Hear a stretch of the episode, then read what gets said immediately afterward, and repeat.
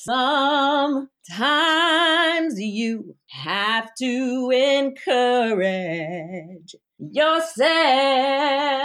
Sometimes you have to speak victory through the test.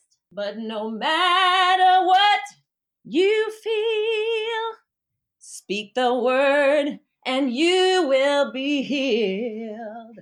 Speak to yourself, encourage yourself in the Lord.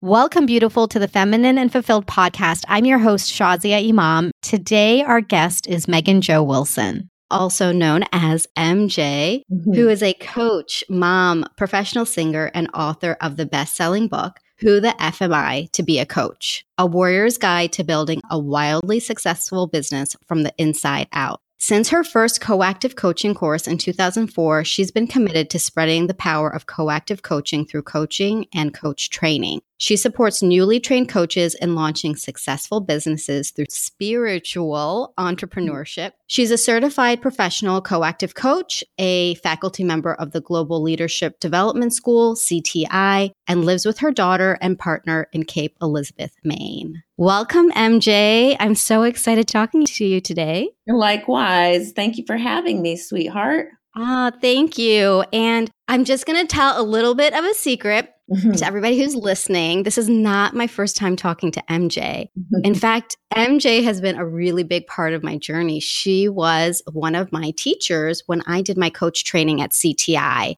And she wasn't just one of my teachers. She was one of those people that just really stood out to me. And she's just a firecracker and she pushes you as far as you can imagine and beyond. And I've just kept in touch with her over the years because her energy is so, it's truly a warrior. So I had to say that, MJ, about you and give everybody a sneak peek into who you are. Thank you. Thank you. What a powerful acknowledgement. And you are also unforgettable. So I'm glad we're still connected. Ah, thank you. Thank you. So let's dive right in and give a bigger sneak peek into who you really are, MJ. What is your story?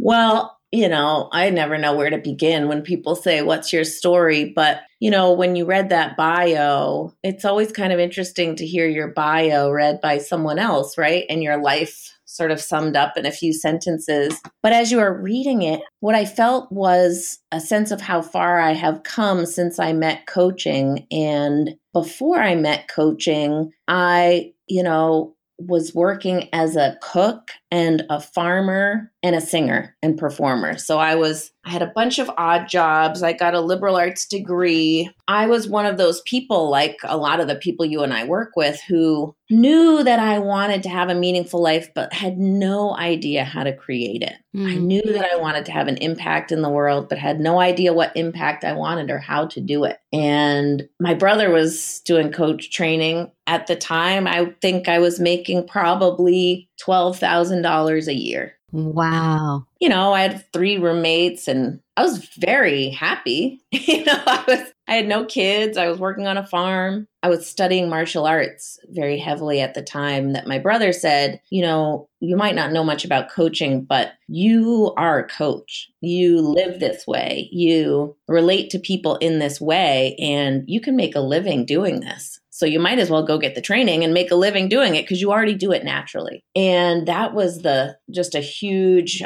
pivotal point in my life was that first uh, coach training class where I saw with a little bit of skill and a little bit of courage and, you know, experiencing the coaching as the quote unquote client in the classroom, right? Because, you know, we really do real experiential learning. I just thought, I knew, I knew this is my path. This is the work I'm meant to do. And I have stuck with it for almost 14 years now in a million different forms. But I do believe that this way of being in the world is a huge piece of what is going to keep us alive, quite frankly.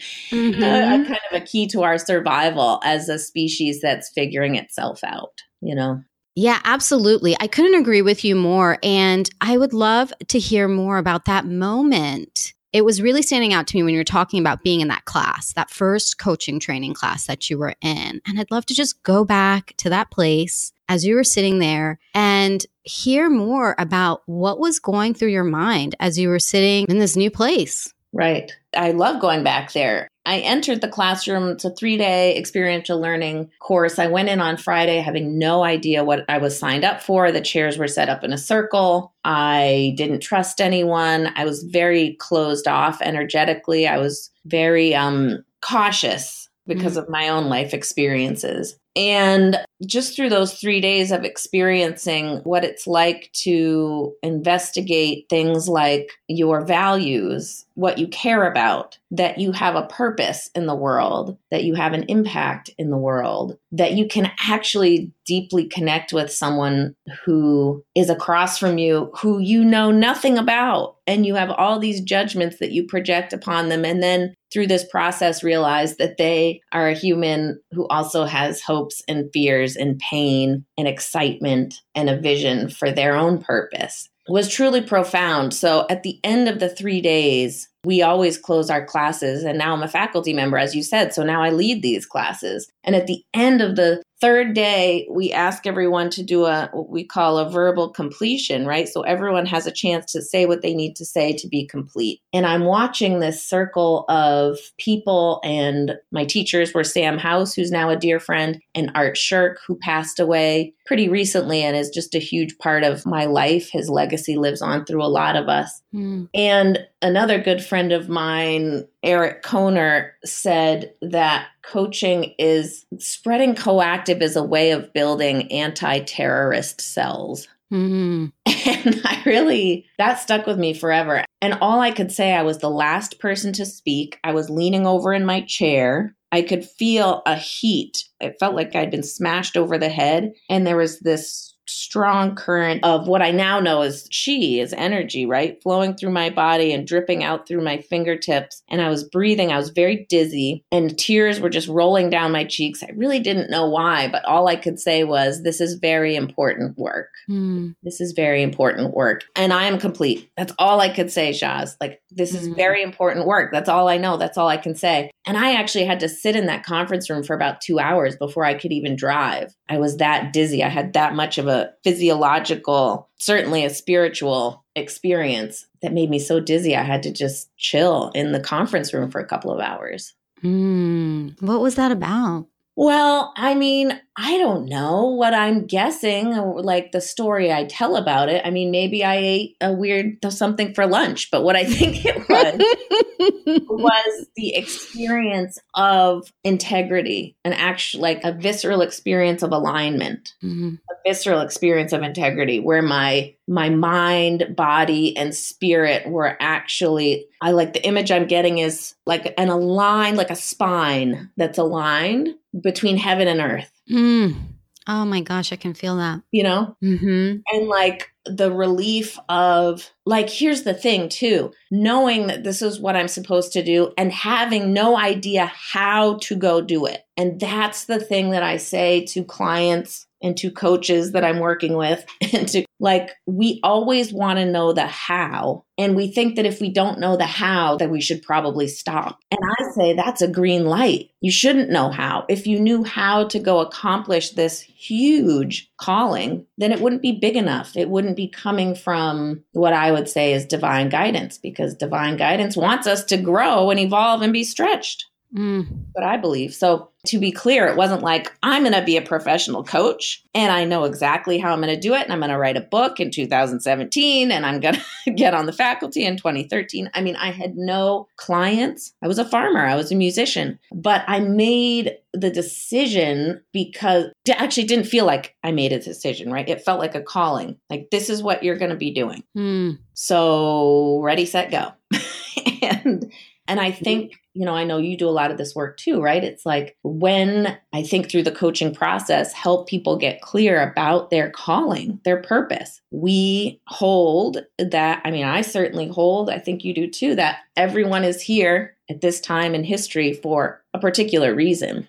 Oh, absolutely. Absolutely. And it's that I'm feeling so much of what you're saying because in that moment, like where you shared that it's something visceral, right? It's something in your body. It is something that transcends something that can even be discussed, right? Mm-hmm. In words, right? Words can't capture that feeling. Yeah, it's a little weird. Right? And it's when you are called forth in this divine way where you don't know the how. And frankly, a part of you is like, what the, like, how am I going to do this? Like, right. I'm too scared. Like, no, no, no, go back, rewind, rewind, stop. Right. And it is because each of us has something that we are meant to do, something very powerful and purposeful. And I absolutely believe that. Yeah. Me too. Me too. And this is so good for me right now because the truth is, you know, I think there's a great myth that we have about leaders or successful people. You know, like I know people look to me and think like, "Wow, what a success." And meanwhile, I'm looking to other people and going, "Wow, what a success."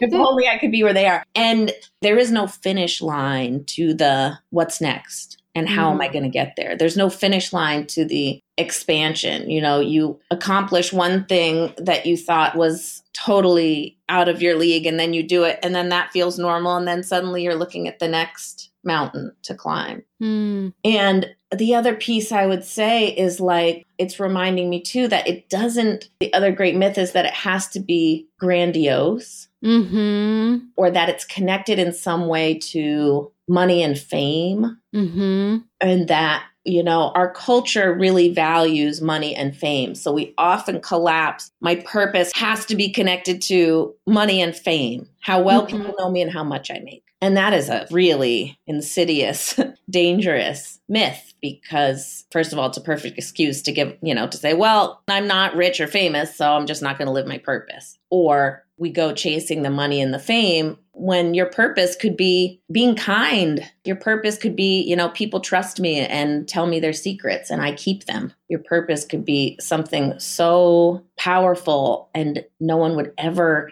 see it on the news or in a podcast. You know what I'm saying? Absolutely. And the piece about it being so insidious is so true because we live in a world of viral, right? So I see people all the time you know, clients that I work with, other fellow coaches who, you know, they try something out and it didn't go viral the first time. And I experienced this myself. Like, oh, I thought that was great. Why didn't anybody read it? Or, you know, why didn't anybody pay any attention? Yeah. And I have to remind myself exactly what you said. This isn't about the outcome. It is not about the fame and the money. And those things are great. No judgment around those things. But that's not what is driving us to our divine calling. And that distinction between purpose, like you're saying, yeah. and these other outcomes is a really important one as people are on their journey. Yeah. Because, like you're saying, people are looking to you and thinking, oh, ah, MJ's got it together. People come to me and they're like, Shazia, oh, it looks like you have everything together. And I want to mm-hmm. be like, I don't have anything together. You should be with me like late at night when I'm lying in bed and I'm like, oh my God, I don't know what I'm doing.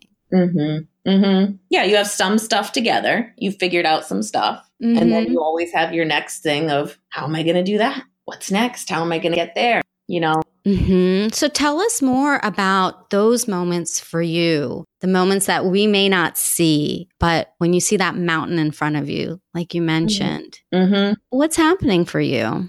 That's such a good question. So let's see, like, what's a mountain for me right now? So, like, here's the thing, too. Like, I'm a business coach. So it's interesting because part of what I, t- it's that paradox of live your purpose. Your purpose is who you are, not necessarily what you do. And if you're interested in running a business with your coaching, then you must consider how much money you're making. If you are in charge of making your money, then you must pay attention and be very intentional about the money you're making and the clients you're enrolling and how you're creating awareness about what you do, which is connected to people knowing you, which is can really trigger all the fame stuff. So like I'm at a point where I'm in very solid stages of what I call phase 1 of my business my annual booking is at between 120 and 140,000 dollars a year. My next mountain is probably double that in 2018, which means my my visibility has to go up, which means I'm more exposed and vulnerable, which means more people are going to love me and also more people are going to ignore me or not love me. Mm. right? And maybe even hate you. And maybe even hate me and what I stand for and, and disagree with me publicly.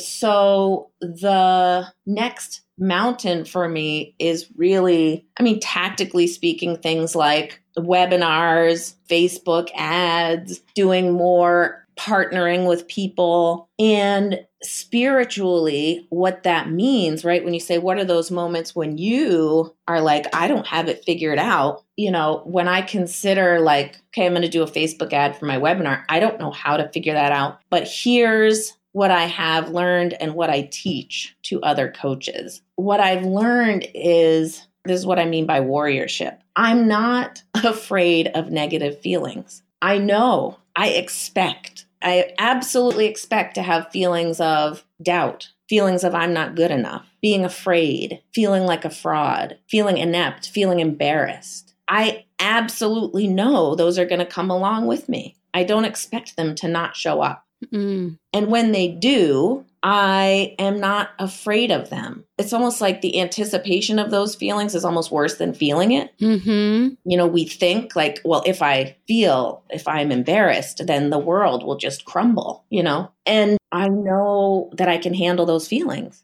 And how can you handle those feelings? That's a big one. We all face those feelings, and it can be a really, really scary place. So, how have you learned to be with those feelings? By being with them. Mm. You hmm. know, it's such a simple answer, right? By being with them, by feeling them. A lot of people don't know, you know, anyone who's listening might, I think a lot of people confuse coaching with getting stuff done. You know, that's a huge part of what coaching is about. But the type of coaching that you and I do has a lot of space for being with feelings. Mm-hmm. So I have a coach, I have a prayer meditation practice that is a part of my daily schedule. I have a tribe of people who have my back, but I also have like a core four people, real people that I can go to when I'm a mess. Hmm.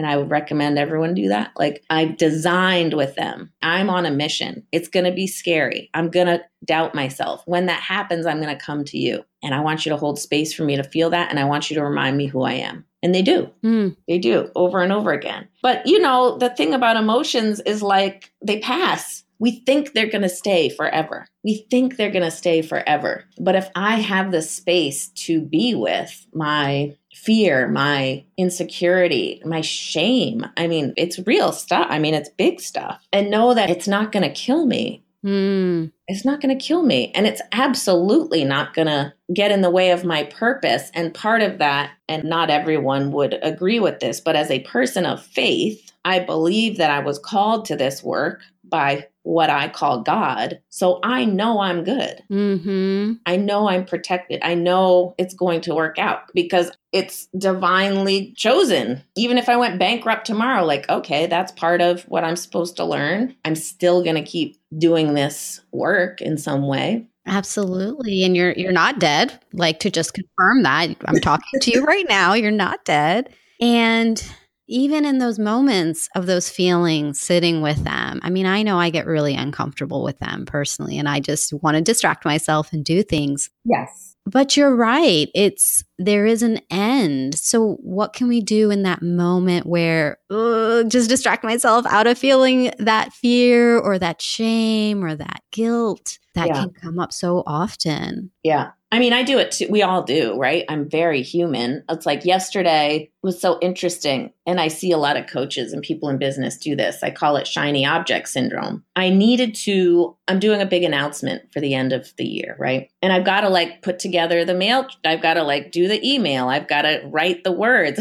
I've got to put this thing together. It's a little scary for me. So I'm watching myself all day yesterday, like maybe I'll have a snack, you know? Maybe I'll fold some laundry maybe I should. And I'm just watching myself. It's like I've gotten very good at watching myself with a ton of curiosity mm. and not like, like I'm very, very committed to not destroying myself tearing myself apart. And believe me, sometimes I do. But my biggest, I think the strongest, hardest work we could do is to say, I'm not going to do that anymore. Mm. I'm not going to do that. I'm not going to do that. I'm not going to do it to myself and I'm not going to do it to others. Imagine what would be possible if you just said, I'm not going to beat myself up anymore. And I'm not going to blame someone else for my problems. And I'm not going to beat them up. Mm. So I got real curious like, I could have torn my, I could have chosen to say, what an idiot. I'm so lazy. What a coward I am. Right. But I just got curious like, why am I avoiding this? This is so interesting. I'm doing that thing, that shiny object syndrome thing like just do what needs to be done you know there's like you know and i have a strong value for discipline and courage you know it's like just a part of my life experience has helped me develop those muscles of sitting down and doing the damn thing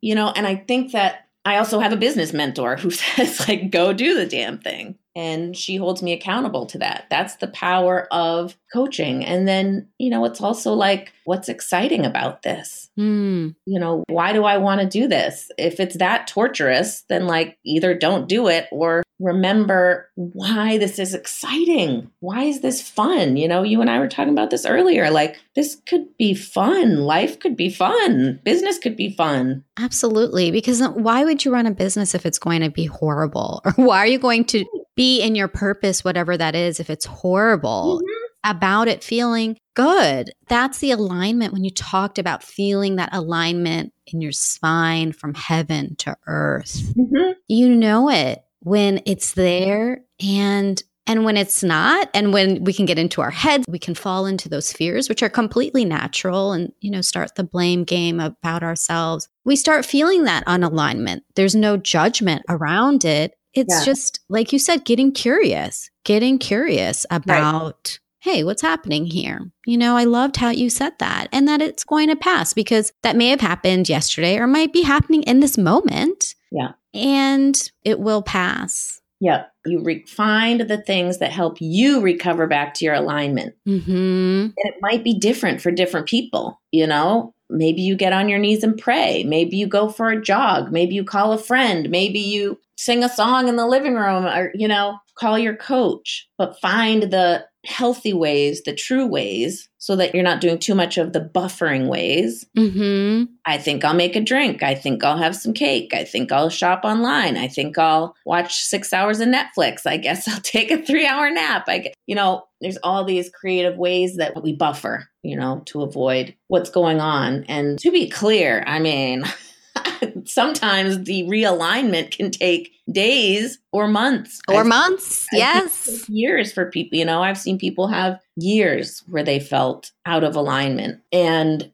that's what coaches are good at. You know that's the magic of coaching. That's why i'm in love with this work because it is you know it's about that alignment. Am i in alignment with my purpose? Are my words aligned with my actions and my thoughts and my beliefs or not? Mm. And what about, I hear this often when it comes to coaching, where I hear women saying, but that means I need help. Yeah. There's something wrong with me. Like, why couldn't I have just, why can't I figure it out on my own? Mm-hmm. Yeah. My first thought is, so what? of course you need help. Of course there's something wrong with you. so what? You're human. It's like, you know, I'm an introvert actually. So I tend to, and I do notice that most women, when we are depressed for the many reasons we have to be depressed, we have lots of reasons to be really excited to be alive right now, but plenty of reasons to be depressed. We do tend to isolate. We really do. Mm. And one of the things that I think is really exciting about this time, this era that we're living in as women, is that, you know, the story is changing. The paradigm is changing. The way we've been doing things is not working. And women, I believe, are the biggest piece of that sea change. That women are learning to be comfortable with their power, that we're starting to see the ways that the air we breathe is sexist, that we actually are sexist. Mm. We are learning to untangle that so that we can support each other. I mean, this podcast is a perfect example. This is one of a million movements on the planet right now where women are saying, let's have each other's backs, even though we've been trained to tear each other apart. Mm-hmm.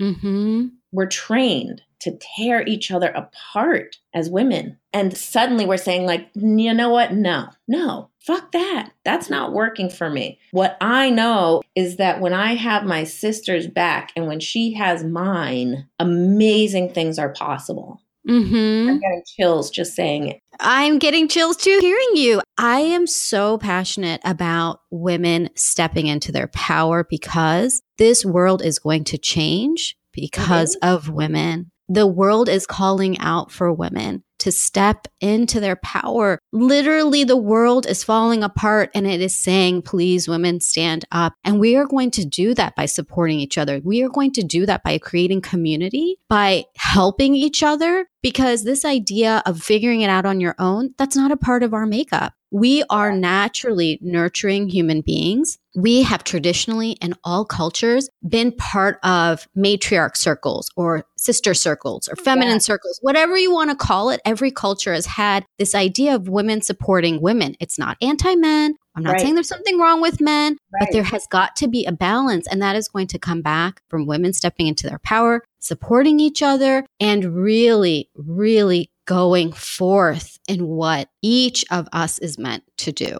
Yes. Yes. Amen. Amen. It is happening. It's not just going to happen, it is happening. It's mm. becoming normalized. I actually think a lot of the stuff going on in every area of our planet is a reflection of that change and people's either comfort or total discomfort with that. But whether you're comfortable with it or not, it is happening. Mm-hmm. So if you're a woman who's listening and thinks, well, why should I need help with this? Like, give yourself a break. And if you're a man listening and saying, why should I need help with this? Give yourself a break. We need help. Mm-hmm. Like, that is not a sign of weakness. That's like, as you said, it's how we're built, it's how we're made to relate, to support you know, every good thing in my life has been because of my willingness to accept help, learn how to ask for help, partner with people, let people in, the right kinds of people. Mm-hmm. You know, mm-hmm. I can't figure it out on my own. I've been a coach for 14 years and I still have a coach because there are places I will not take myself. And there are plenty of limiting beliefs that I'm still working to shift and will continue to until this lifetime is over. Mm. There's no finish line. There's absolutely no finish line. So I would say, you know, instead of shift your perspective, like I should be able to figure this out on my own. Well, what if you're not? No, I shouldn't be able to figure this out on my own. Cool. Well, now the fun task is who do I want to enroll in my adventure of life? Who do I want to be on my team? Yes, yes. And I would highly recommend you, MJ, for anybody listening. If somebody listening is really ready to go forth in a powerful way, MJ, you are the person. And I want to hear about your last mission, which is this book that you created. Mm-hmm. I want to hear all about it because even just the title is pretty juicy. the title is juicy. I can't even um, say it. Like I literally can't even say it. So I'm going to have you say it because it is a really good title and really clear. Yeah. And really needed. Yeah. Thank you. Yeah, I spent a lot of time grappling with whether I wanted to put this word into the title of my book, this forbidden word and this curse word. And obviously, I chose to do it for a lot of different reasons. And it's been one of the best decisions I've ever made. The title is Who the Fuck Am I to Be a Coach? And I put that curse word in there quite frankly, from a sort of branding and marketing position, you probably won't forget it once you hear it. It's edgy. It's a part of my brand, right? I tend to be pretty edgy. I tend to be pretty masculine energy. I tend to be, as you said in the intro, like she'll push you there and beyond. Mm-hmm. Is sort of my style. I'm very irreverent, blah, blah. So, but whether you have that curse word in there or not, what I have seen over and over as I've been coaching other coaches I mean, as I've been coaching people in general, right? But now that my work is about supporting coaches who want to lead a really viable, profitable coaching business, what almost always happens in any venture is like when we're in the realm of ideas and visions, things are really sweet. You know, if you think of it in terms of energetics or chakra, sort of from the heart up, is ideas, visions. I can talk about my business. I can vision my business. I can love my business. I can imagine it. I can feel that it's divinely guided. And all of that quite frankly, is free. It's fast. It's in the realm of the imagination. And our job as coaches is to take the fantasy, the dream that's out there, the vision, and bring it down to earth. Mm. So it's almost, I think of it as energetically coming in through the chakras. If you know about chakras, right, it comes in through the realm of ideas, divinely inspired creativity. We vision it, we talk about it, we hold it in our hearts, we share it with others. And then there's this moment where it moves into the fourth third chakras where it wants to be born into the real world. And things get really interesting in this realm because as soon as it starts to get real, the, you know, shit gets real. Hmm. And the most common response that I get when I'm working with coaches who are ready to bring their work really powerfully into the world. I'm talking trained coaches, certified, gifted, powerful people. They come face to face with this we would call it a saboteur in our language, right? Who am I to do this? Mm-hmm. Who am I? How dare I think that my work is valuable enough to charge that much money, quote unquote?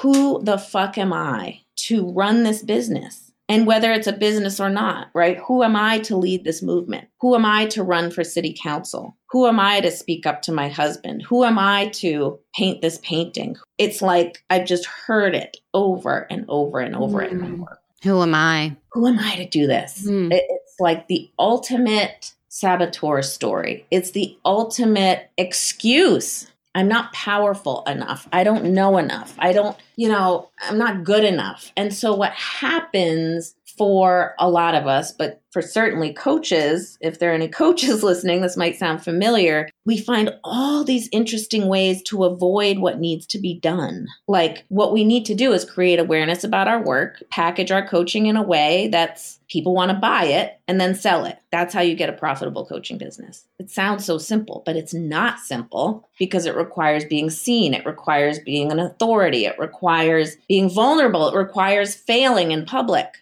Mm-hmm. And it requires putting value to the work that you do. Yes. And receiving. I mean, don't get mm-hmm. me started about money. Like, as soon as money's on, then people have all kinds of crazy, confusing stories about money. I want all the money, but people who have all the money are greedy and they should give away their money to me because I want all the money. But if I had all the money, I wouldn't give it to all the people. right. It's like, what is wrong with us? So, so a lot of what I'm doing, I mean, entirely what I'm doing is first of all giving coaches the practical tactical pieces they need to run a profitable business because those are different skills tools and tactics than coaching mm-hmm. extremely different extremely different they complement each other very well i've found but like for the first probably eight years of my coaching career, I had no business training. I didn't know how to market. I was a farmer and an artist, so I thought anything business was like gross, manipulative, sleazy, greedy. Mm-hmm. And I didn't do well. I survived barely. But then I said, you know what? Here's the thing. I got after eight years, like, okay, if I want to spread my coaching work, I have to find clients. And if I want to find clients, I have to learn how to create awareness about what I'm doing. I have to learn this business skill to support my purpose as a coach because no one can hire me if they don't know about me. Mm-hmm. So I started studying business and I hired a business coach and I read about business and I still am. I'm totally fascinated by the mechanics of business. But I thought it was like my doubts and fears getting in the way. That was a part of it. But also, I had a, a knowledge gap, you know. So my work now is filling that gap for coaches, giving them a map, giving them some really fundamental, basic marketing, pricing, enrolling, sales training for phase one of their business, like to just get things going, to get off the ground, to be making five, seven, ten thousand dollars a month is totally possible for any trained coach if they're a good trained coach. And then, of course, the deeper work is the transformational stuff of clearing out those limiting beliefs, supporting them to being the person who's willing to lead this mission, who's willing to say, I am the one to lead this business. I am equipped. I am willing. I can feel negative feelings and survive. I can do this. Mm, it sounds like the perfect blend of the business and that transformational coaching that's so important when you're starting your business. Yes. Especially as a coach. So, where can aspiring coaches or coaches who are ready to really be seen in this world.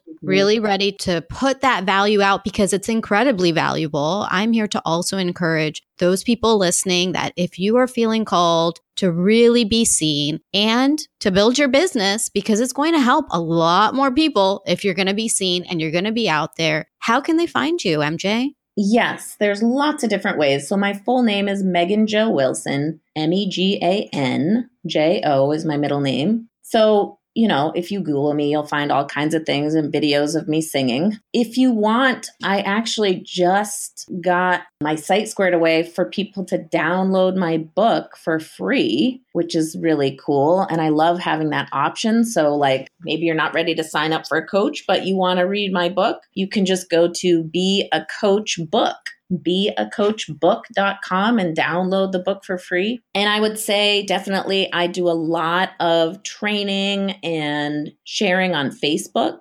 So I would say connect on Facebook, Megan Jo Wilson. I have an awesome Facebook group called Megan Jo Wilson and the Army of Light. The Army of Light. I love that.